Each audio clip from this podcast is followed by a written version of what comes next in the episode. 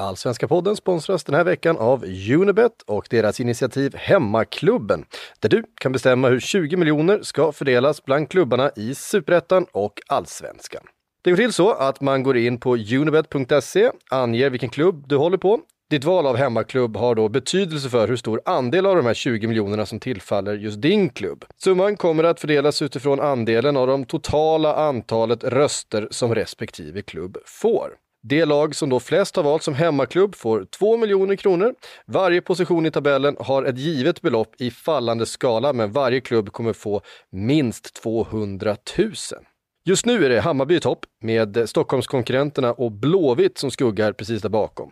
Så gå in på unibet.se och ange vilken klubb som är din hemmaklubb. Och glöm inte att du måste vara 18 år för att spela och skulle du spela mer än du borde så gå in på spelpaus.se för att läsa mer om spelberoende och hur man pausar sitt spelande. Nu börjar veckans avsnitt.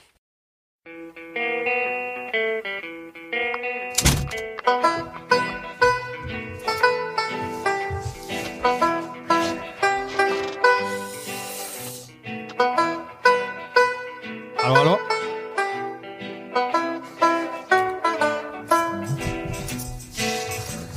Nej, men låt den vara där va? Ja, men det var inte men...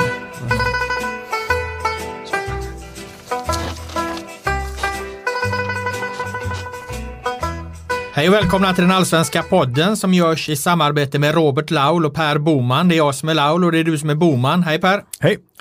Ännu en vecka utan fotboll men ändå en fullmatad podd. Bland annat har Kim Bergstrand fyllt 52. Vi säger grattis till Kim. Och vi ska följa upp våra diskussioner från förra veckan rörande Marcus Rosenberg och Zlatan Ibrahimovic. Och vi har en någorlunda skarp nyhet kring tävlingssäsongen 2020. Men vi börjar med det här, nämligen att jag gjorde ju ett reportage utifrån en bild på Torbjörn Nilsson och Olof Palme Eh, i Blåvitts omklädningsrum efter seger mot Öster med 4-2 1985. IFK Göteborg vann med 4-2 alltså. Det slutade ju med att jag fick fram detta. Nämligen Olof Palmes medlemskort i eh, Blåvitt från 1985, hans hedersmedlemskort. Och nu räcker jag över medlemskortet till dig Per, du får, får sammanfatta dina känslor eh, eh, alldeles strax. Här. Medan du tittar på det så ska jag be berätta vad jag nu har kommit fram till att jag ska göra, göra med det här medlemskortet. Jag har nämligen bestämt mig för att skänka det till Åke Josefsson i Göteborg. Han är ansvarig för IFK Göteborgs arkiv. Eh, tanken är att det ska bli ett museum i framtiden. Idag är är bara ett arkiv och han ville mycket gärna ha medlemskortet och jag skänker då medlem, Palmes medlemskort till Åke, detta efter diskussioner med hedersordförande Gunnar Larsson och klubbdirektör eh, Max Markusson. Vad tänker du kring eh, mitt beslut att göra med det här medlemskortet som ju dök upp eh, tack vare Olof Palmes söner och framförallt Mårten Palme då? Ja, jag tycker det är jättebra varje gång man eh, supportar folkrörelses arkiv och museum. Det tycker jag är jättebra. Jag tycker också att fler klubbar borde aktivt ha egna museum. Det finns inget trevligare än att besöka den typen av museum. Så jag tycker att det är ett fint eh, initiativ av IFK Göteborg. Om kortet, som du kan ju lägga upp en bild på det sen kanske till avsnittet på något mm. sätt, så är det ju det heter Klubb Blåvitt, Klubb med C, vilket ja. känns 80-tal på ett kul sätt. Men också faktumet att det, det är ju jag har ju verkligen känslan av det här eh, varumärket Blåvitt också från, mm. Eh, från Coop. Det var exakt samma, eller Kooperativa förbundet, exakt samma känsla på det. Så det är ett väldigt vackert kort, väldigt fint eh, designat får man mm. säga, av den tidens eh, formgivargenier. Så att eh, totalt sett så gjorde det här mig glad och jag känner mig, eh, ja, det gjorde mig glad. För mig är det ju här, när jag ser på det, håller i det så, så äh, känns ju historiens vingslag på någonting. Det, det, det känns ju, just att det står Olof Palme på det, eh, är ju, ja, jag tycker det är stort. Alltså, och Åke Josefsson som jag pratade med tidigare, här, han, han eh, tyckte ju verkligen att det här hörde hemma i, i IFKs arkiv då, som ju förhoppningsvis ska bli ett museum i framtiden. Utmärkt.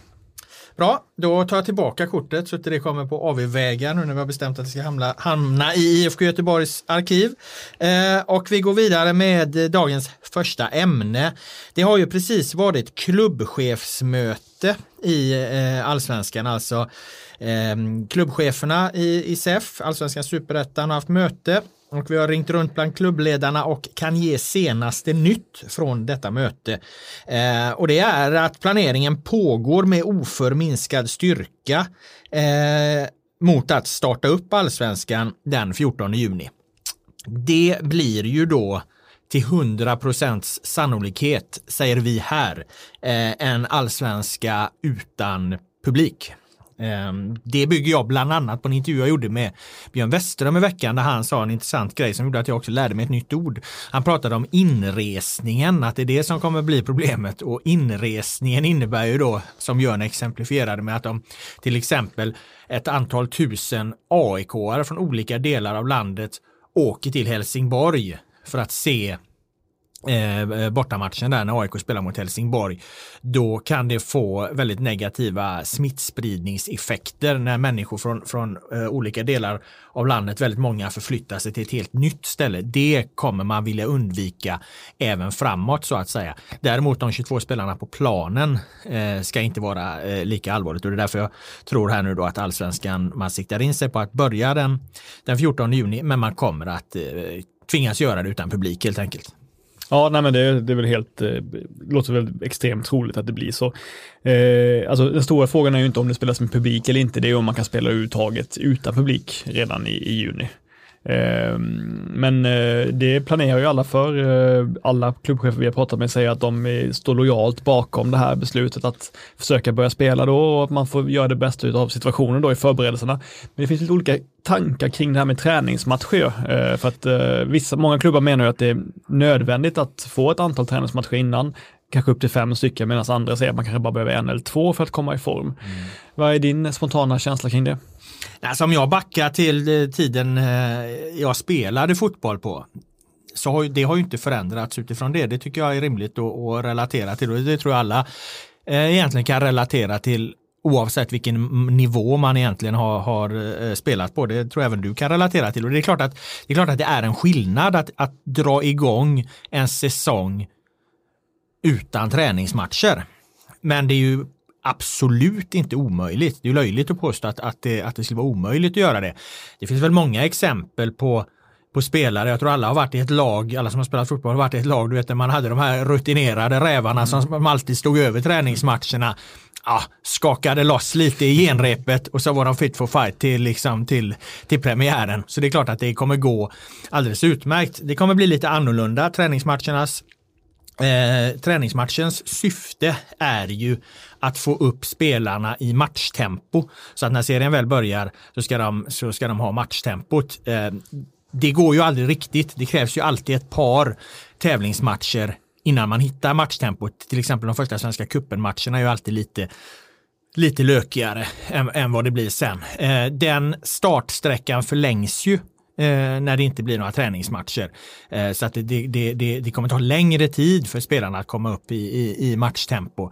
Och det kommer också ställa ett krav på alla klubbar eh, utifrån deras förutsättningar att ifall det inte blir några träningsmatcher, genom deras träningar ha så matchlika övningar Eh, Eh, med så hög intensitet som möjligt. Så helt enkelt, den som tränar bäst kommer komma bäst förberedd till den här allsvenskan om det inte blir några träningsmatcher. Om det inte blir några träningsmatcher. Ja, och de som tränar bäst antar jag, de som kan få bäst matchlika känslor eller träningsmatcher på egna träningar då med den egna truppen, det är ju de som har bredast och bäst trupper då helt enkelt. Så att Malmö FF kommer ju kunna kunna spela nästan riktiga träningsmatcher då eh, med, med, sin, med sin trupp. Ja, så är det ju absolut. Alltså de som har, precis som du säger, de som har breda trupper och kan ställa eh, ett, två lag på banan så att säga eh, av likvärdig kvalitet. Det kan ju alla lag så sett göra om man, om man mixar lite, men det är klart att breda trupper kommer vara en fördel, precis som att breda trupper kommer vara en fördel eh, även eh, i, eh, i spelet i övrigt eftersom det kommer bli ett tajt och tätt spelschema här nu när man ska knö in alla 30 omgångar fram till vintern. Eh, så att eh, bred trupp kommer vara, vara en eh, framgångsfaktor definitivt i år. Björn Westerholm i den här intervjun så talade ju han om, om träningsmatcher eh, Eh, som ett, ett självmål att försöka spela. Han menar på att det, det, det, man egentligen kan göra nu det är att fotbollen så mycket som möjligt bidrar till att trycka ner smittspridningen, underlätta för vården, göra situationen så bra som möjligt eh, och, och, att det är det som i slutändan kommer att avgöra när tävlingsspelet kommer igång. Så att han var ju ganska tydlig på att han inte tycker att, att, att eh, i alla fall tolkar jag det så, eh, träningsmatcher nödvändiga. Där går han ju rakt emot sin egen tränare, i alla fall sin egen assisterande tränare Patrik Gildefalk som i Sportbladets enkät var väl en av två tillsammans med Daniel Andersson, Malmö FF, som sa att det är helt omöjligt att dra igång serien utan eh, eh, träningsmatch. Jag tycker det är en, en, en dum inställning från Daniel Andersson och Gildefalk här att så kategoriskt eh, säga att det går inte, för det är klart att det går. Jag tror Gildefalk tillhör den, tillhör den generationen, den här eh, ja, som, som är de här arbetsnarkoman nya tränarna som har väldigt svårt att uppfatta, du vet, någon, eller svårt att acceptera någon typ av nyans av förslappning. För så jag menar, om man nu har, nu, vet, numera har man ju gjort fotbollen till en stor vetenskap. Det är vetenskaplig, det är vetenskaplig på alla sätt och vis liksom.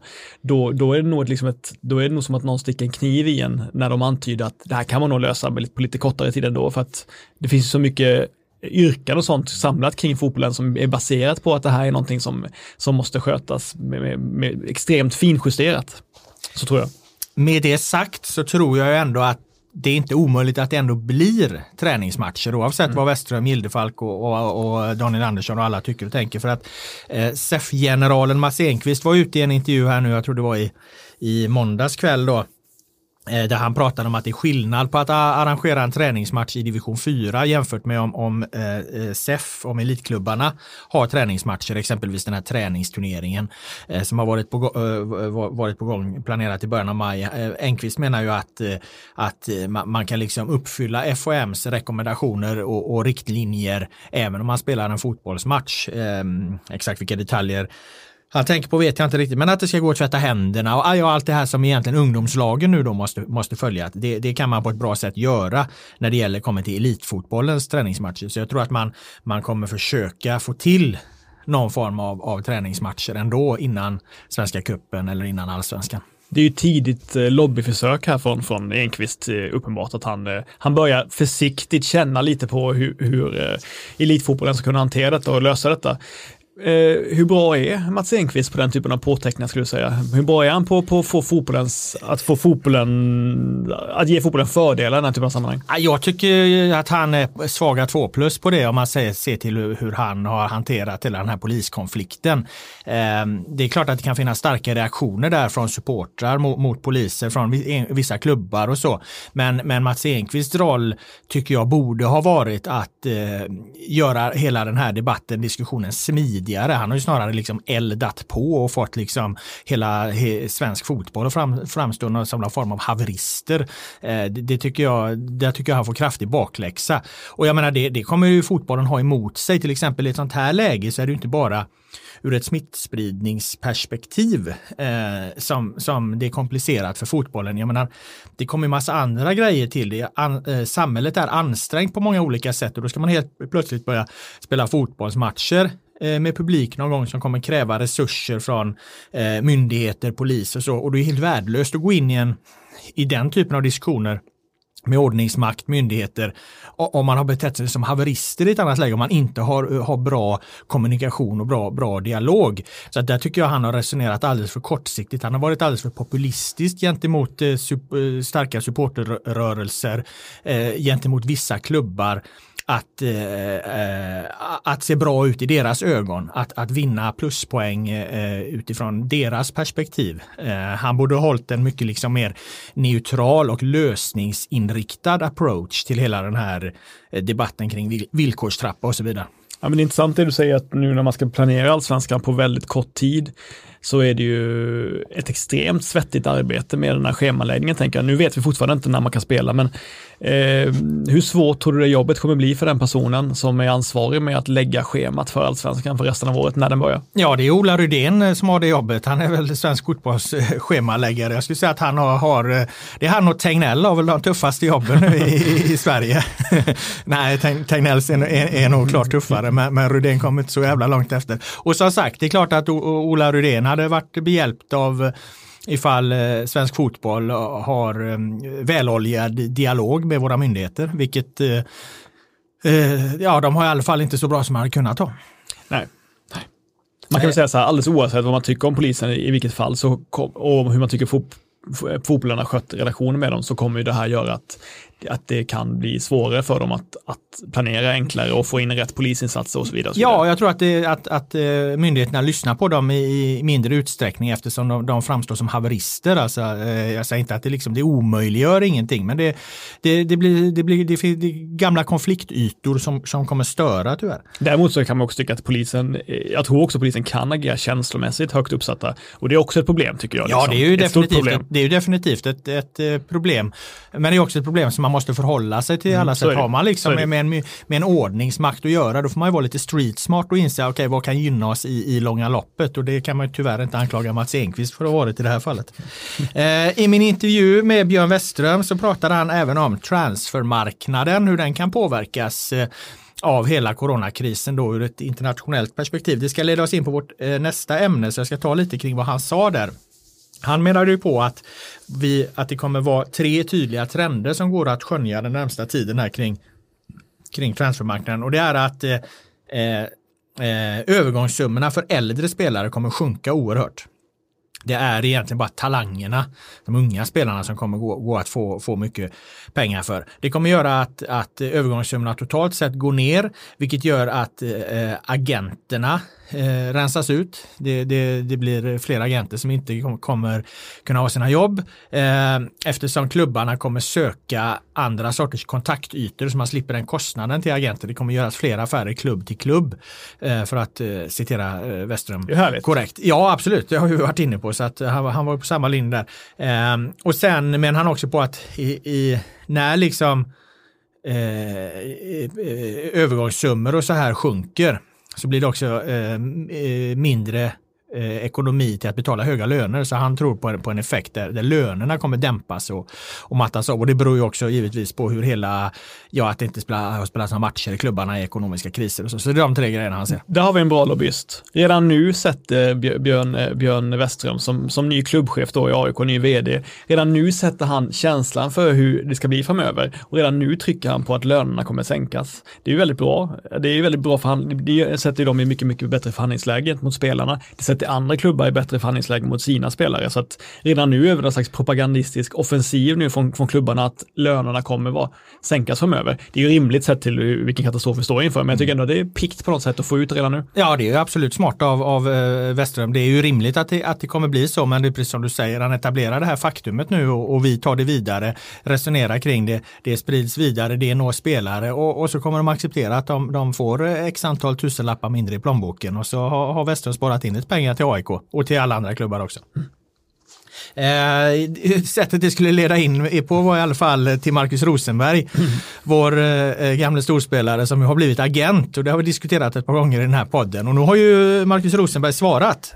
Eh, det var framförallt du Per Boman som var starkt kritisk till, eh, till Rosenbergs val att bli agent. Och han svarade som sagt via en välläst intervju med vår eh, vän och kollega Johan Flink. Ehm, vad säger du om hans svar? Vad Ja. svarade han för det första? Kan du redogöra Nej, för? men först och främst kan man säga så det har varit ganska många intervjuer med Marcus Rosenberg sedan han blev agent, men jag tycker alla de var ganska, om man ska använda uttrycket, tama. Eh, Jag tycker inte de riktigt grottade ner sig fullt ut i det här beslutet. Det var mer när han fick beskriva sin nya verksamhet, lite mer eh, halvreklam för Marcus Rosenbergs nya lite agentverksamhet. kompisintervjuer. Ja, det tycker jag var med i jämförelse. Så därför är det kul att se Johan Flink dundra på med sin som vanligt eh, liksom icke-ängsliga stil. Rättframma.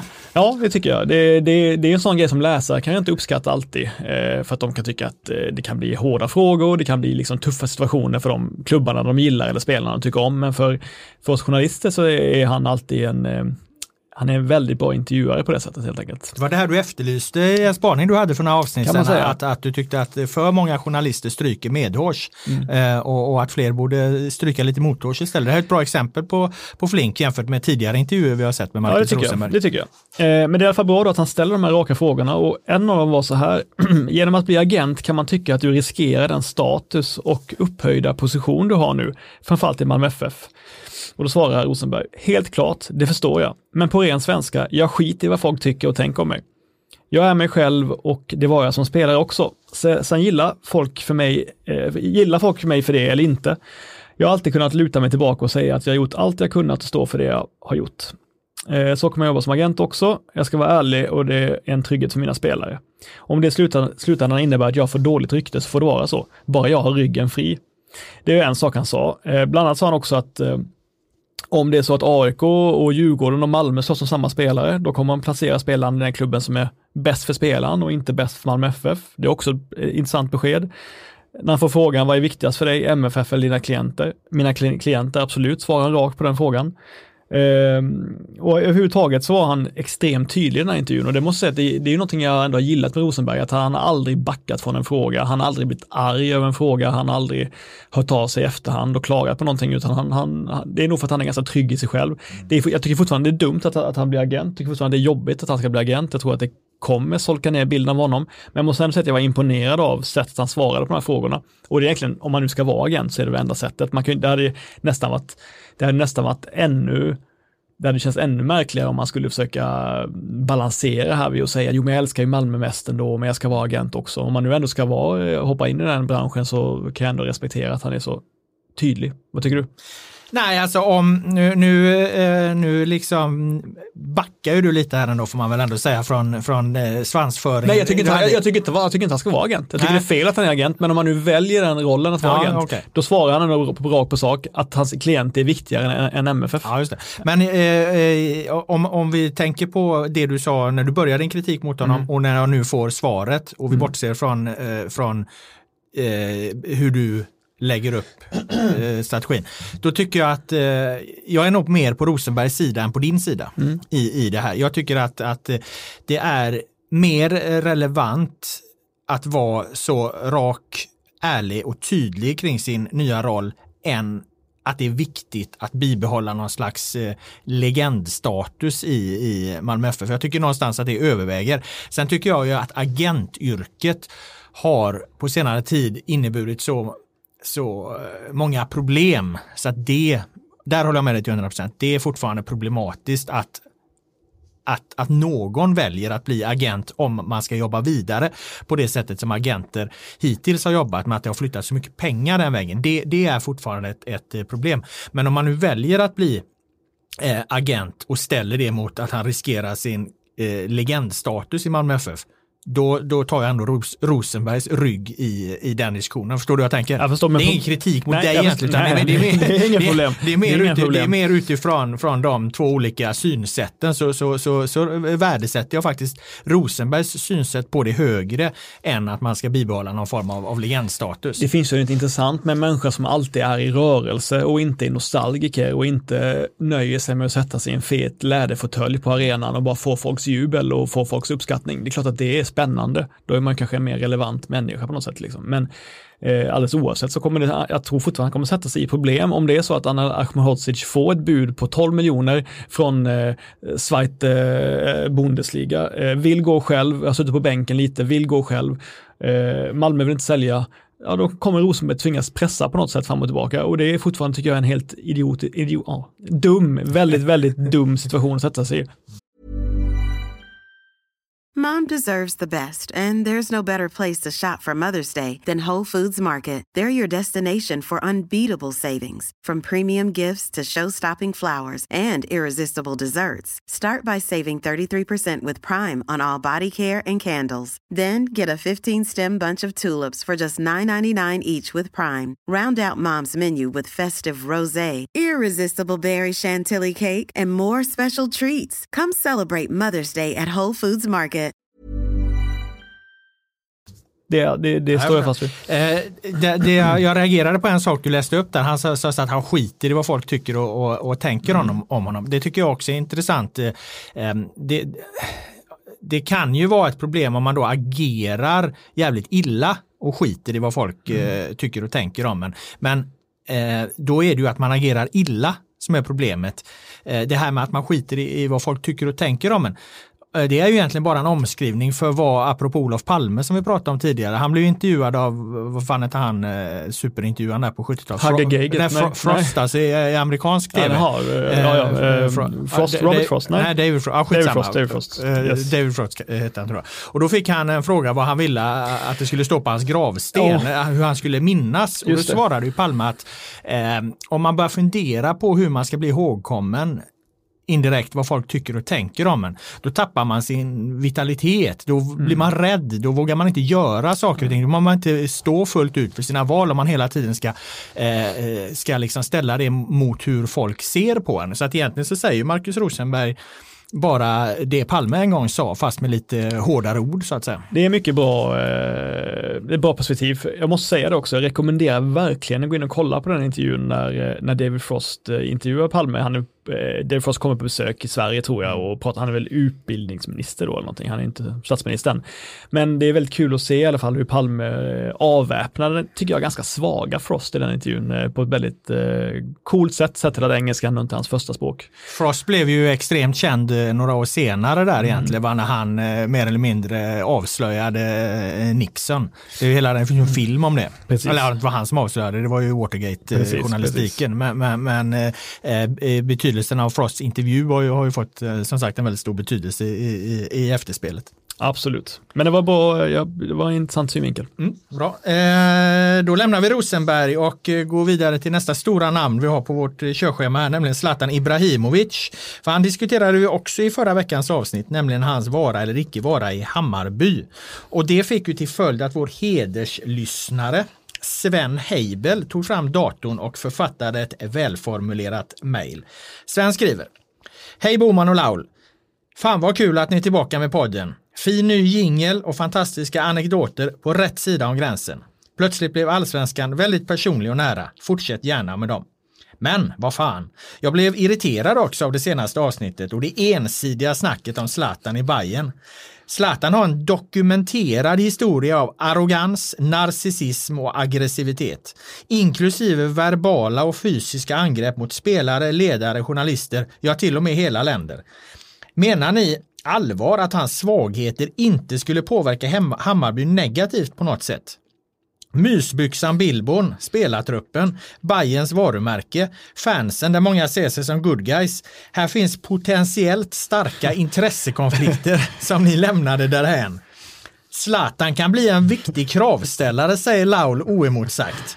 De andra kan ta en avhyvling om de förtjänar det.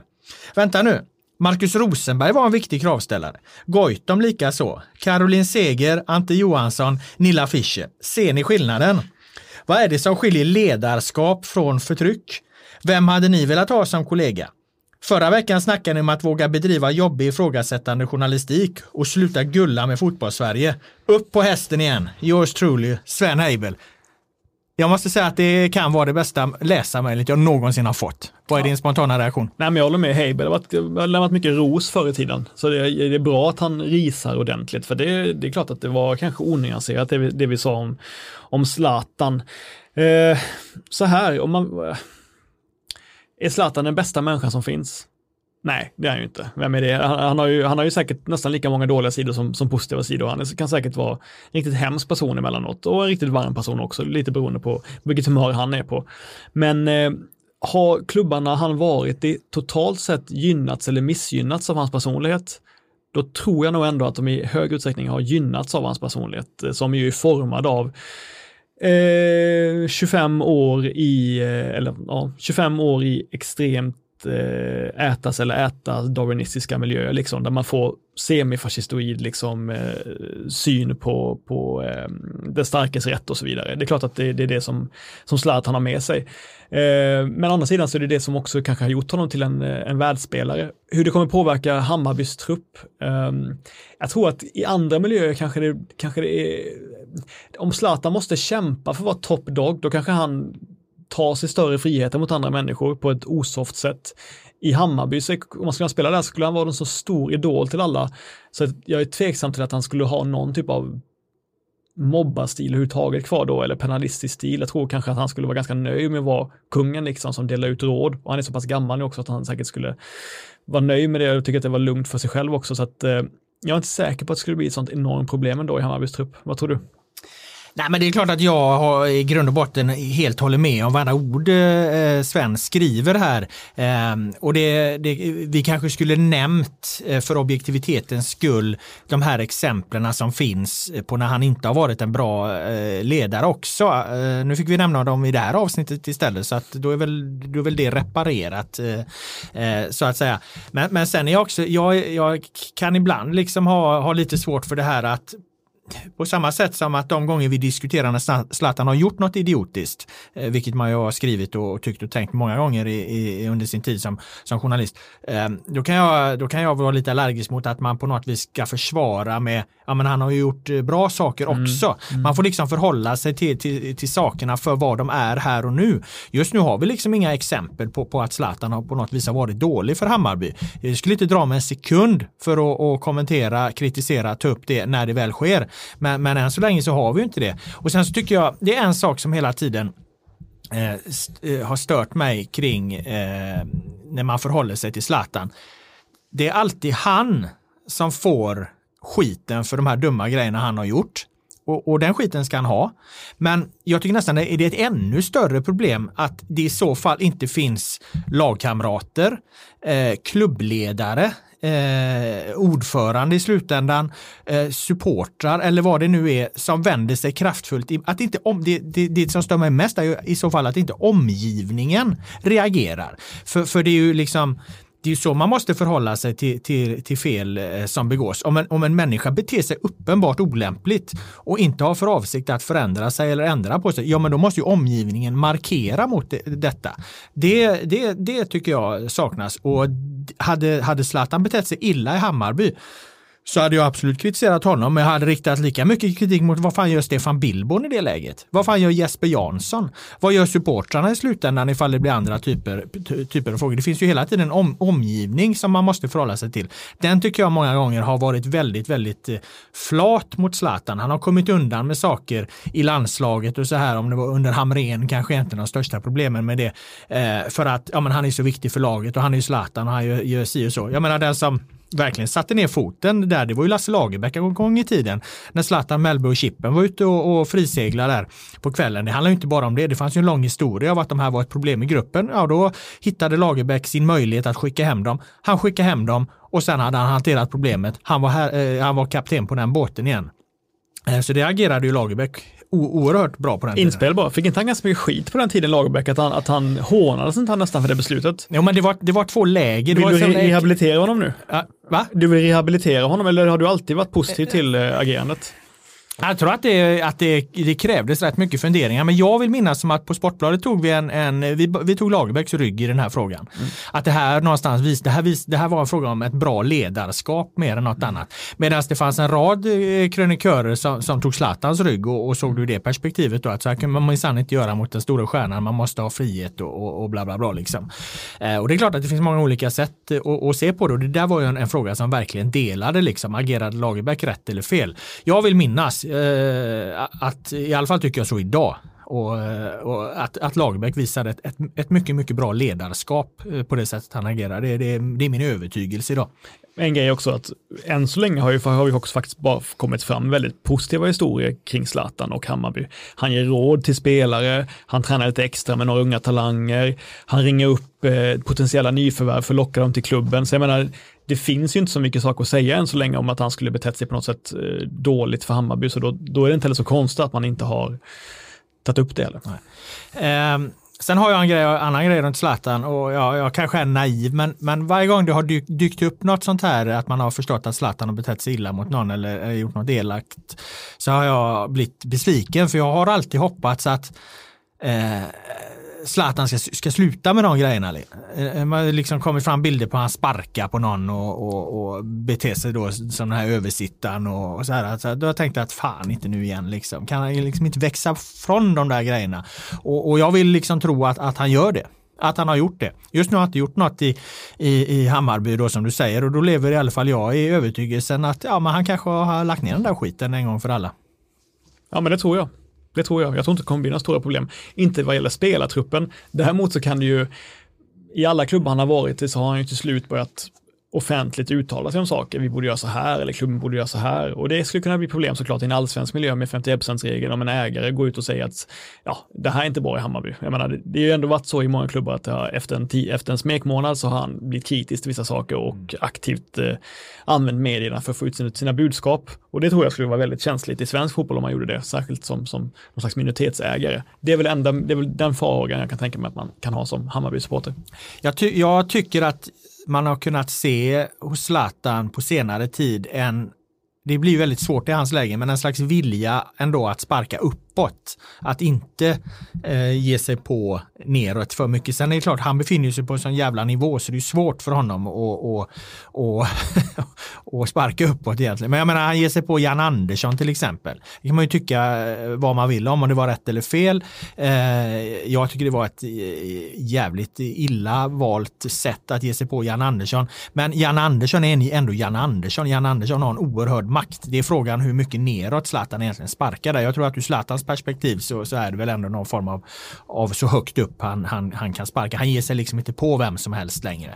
Eh, Sven nämnde ju att han ger sig på länder liksom. Det är klart att om, Frank eller om Zlatan ger sig på Frankrike, det, det, kan man väl i, i viss mån tycka är ganska roligt för då ger han sig ändå på, på en stor jävla eh, nation. Det kan han väl, kan han väl få göra. Så länge man sparkar uppåt så är det ju i regel okej. Okay. Ja, så är det ju. Sen är han ju ingen Sen är det ju mycket jargong också, liksom. man ska inte försvara saker som ett övertramp, men ibland så tycker jag att det, det är tydligt att Zlatan kanske bara har en jargong liksom, snarare än att han är allvarligt menar någonting och ibland kan jag tycka att folk kanske är lite eh, okalibrerade i hur de lyssnar. Liksom. Så är det, men ibland har den jargongen slagit jävligt så är fel, det, fel så också. Är det, så Med det. det kan vi stänga diskussionen om eh, Zlatan, eh, om du inte har något nytt att rapportera nej, om nej, han hamnar nej. i Hammarby eller inte. Nej det, det, det, hade jag inte tagit i podden först i så fall. Det har, okay.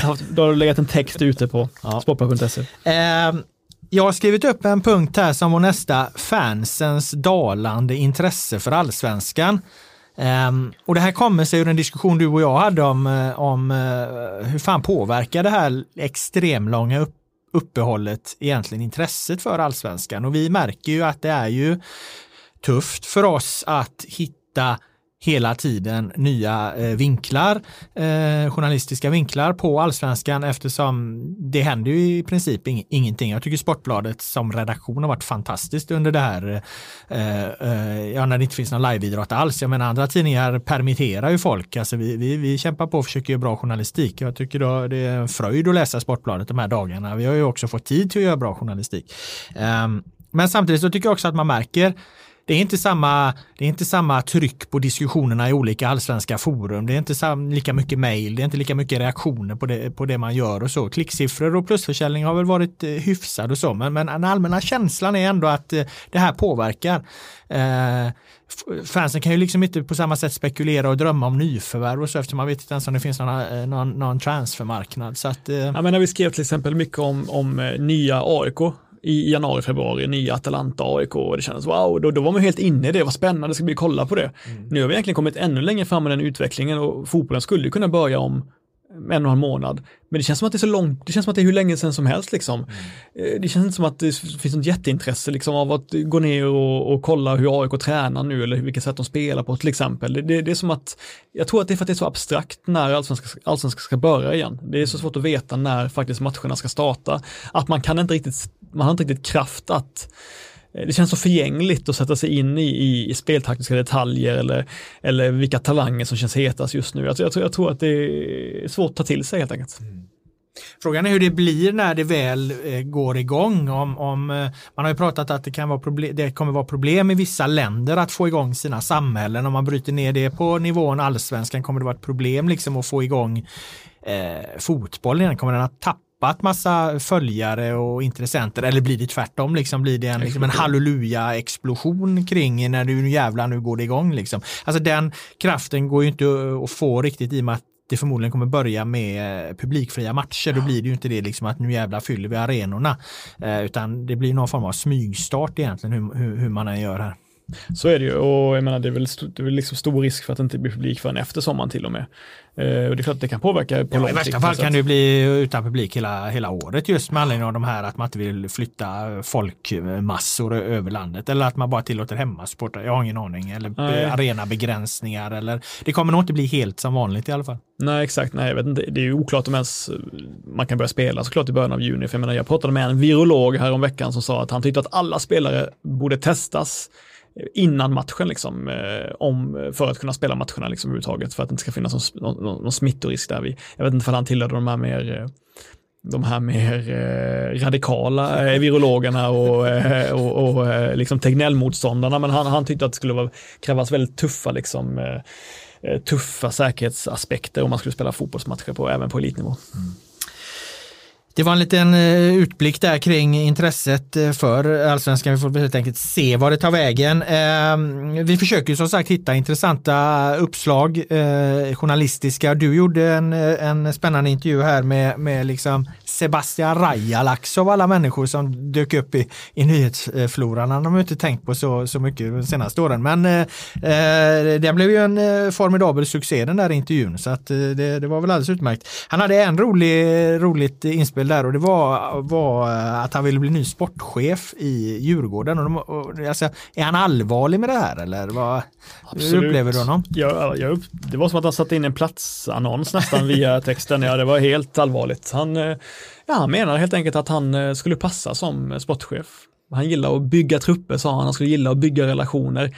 Jag, jag kan inte bedöma för han är rätt man för det eller inte, för jag menar alla som har spelat ett sånt här managerspel tycker väl det är kul. Det, det, det är inte säkert att man, är, att man är duktig på det för det, men han menar att eh, ja, om inte det blir sportchef så kanske assistent till Bosse i alla fall till en början och sådär. Och det är väl bra att ha ambitioner även om de var högt ställda liksom. Men det är ju inte vem som helst, det är inte vilken klubb som helst han ska bli sportchef i och det är inte vem som helst han ska efterträda i så fall. Jag menar, Superbosse är, är ju ansedd som eh, allsvenskans kanske absolut skickligaste sportchef på, på många sätt. Både vad det gäller att hitta spelare, sälja spelare och, och eh, byta fokus, eh, vad man har för liksom strategi kring, kring truppbygge och så vidare. Jag menar, han som jag brukar säga kan ju alla knep i boken varit med hur länge som helst. Och det är just honom Raja Laxo ska kliva in och ersätta.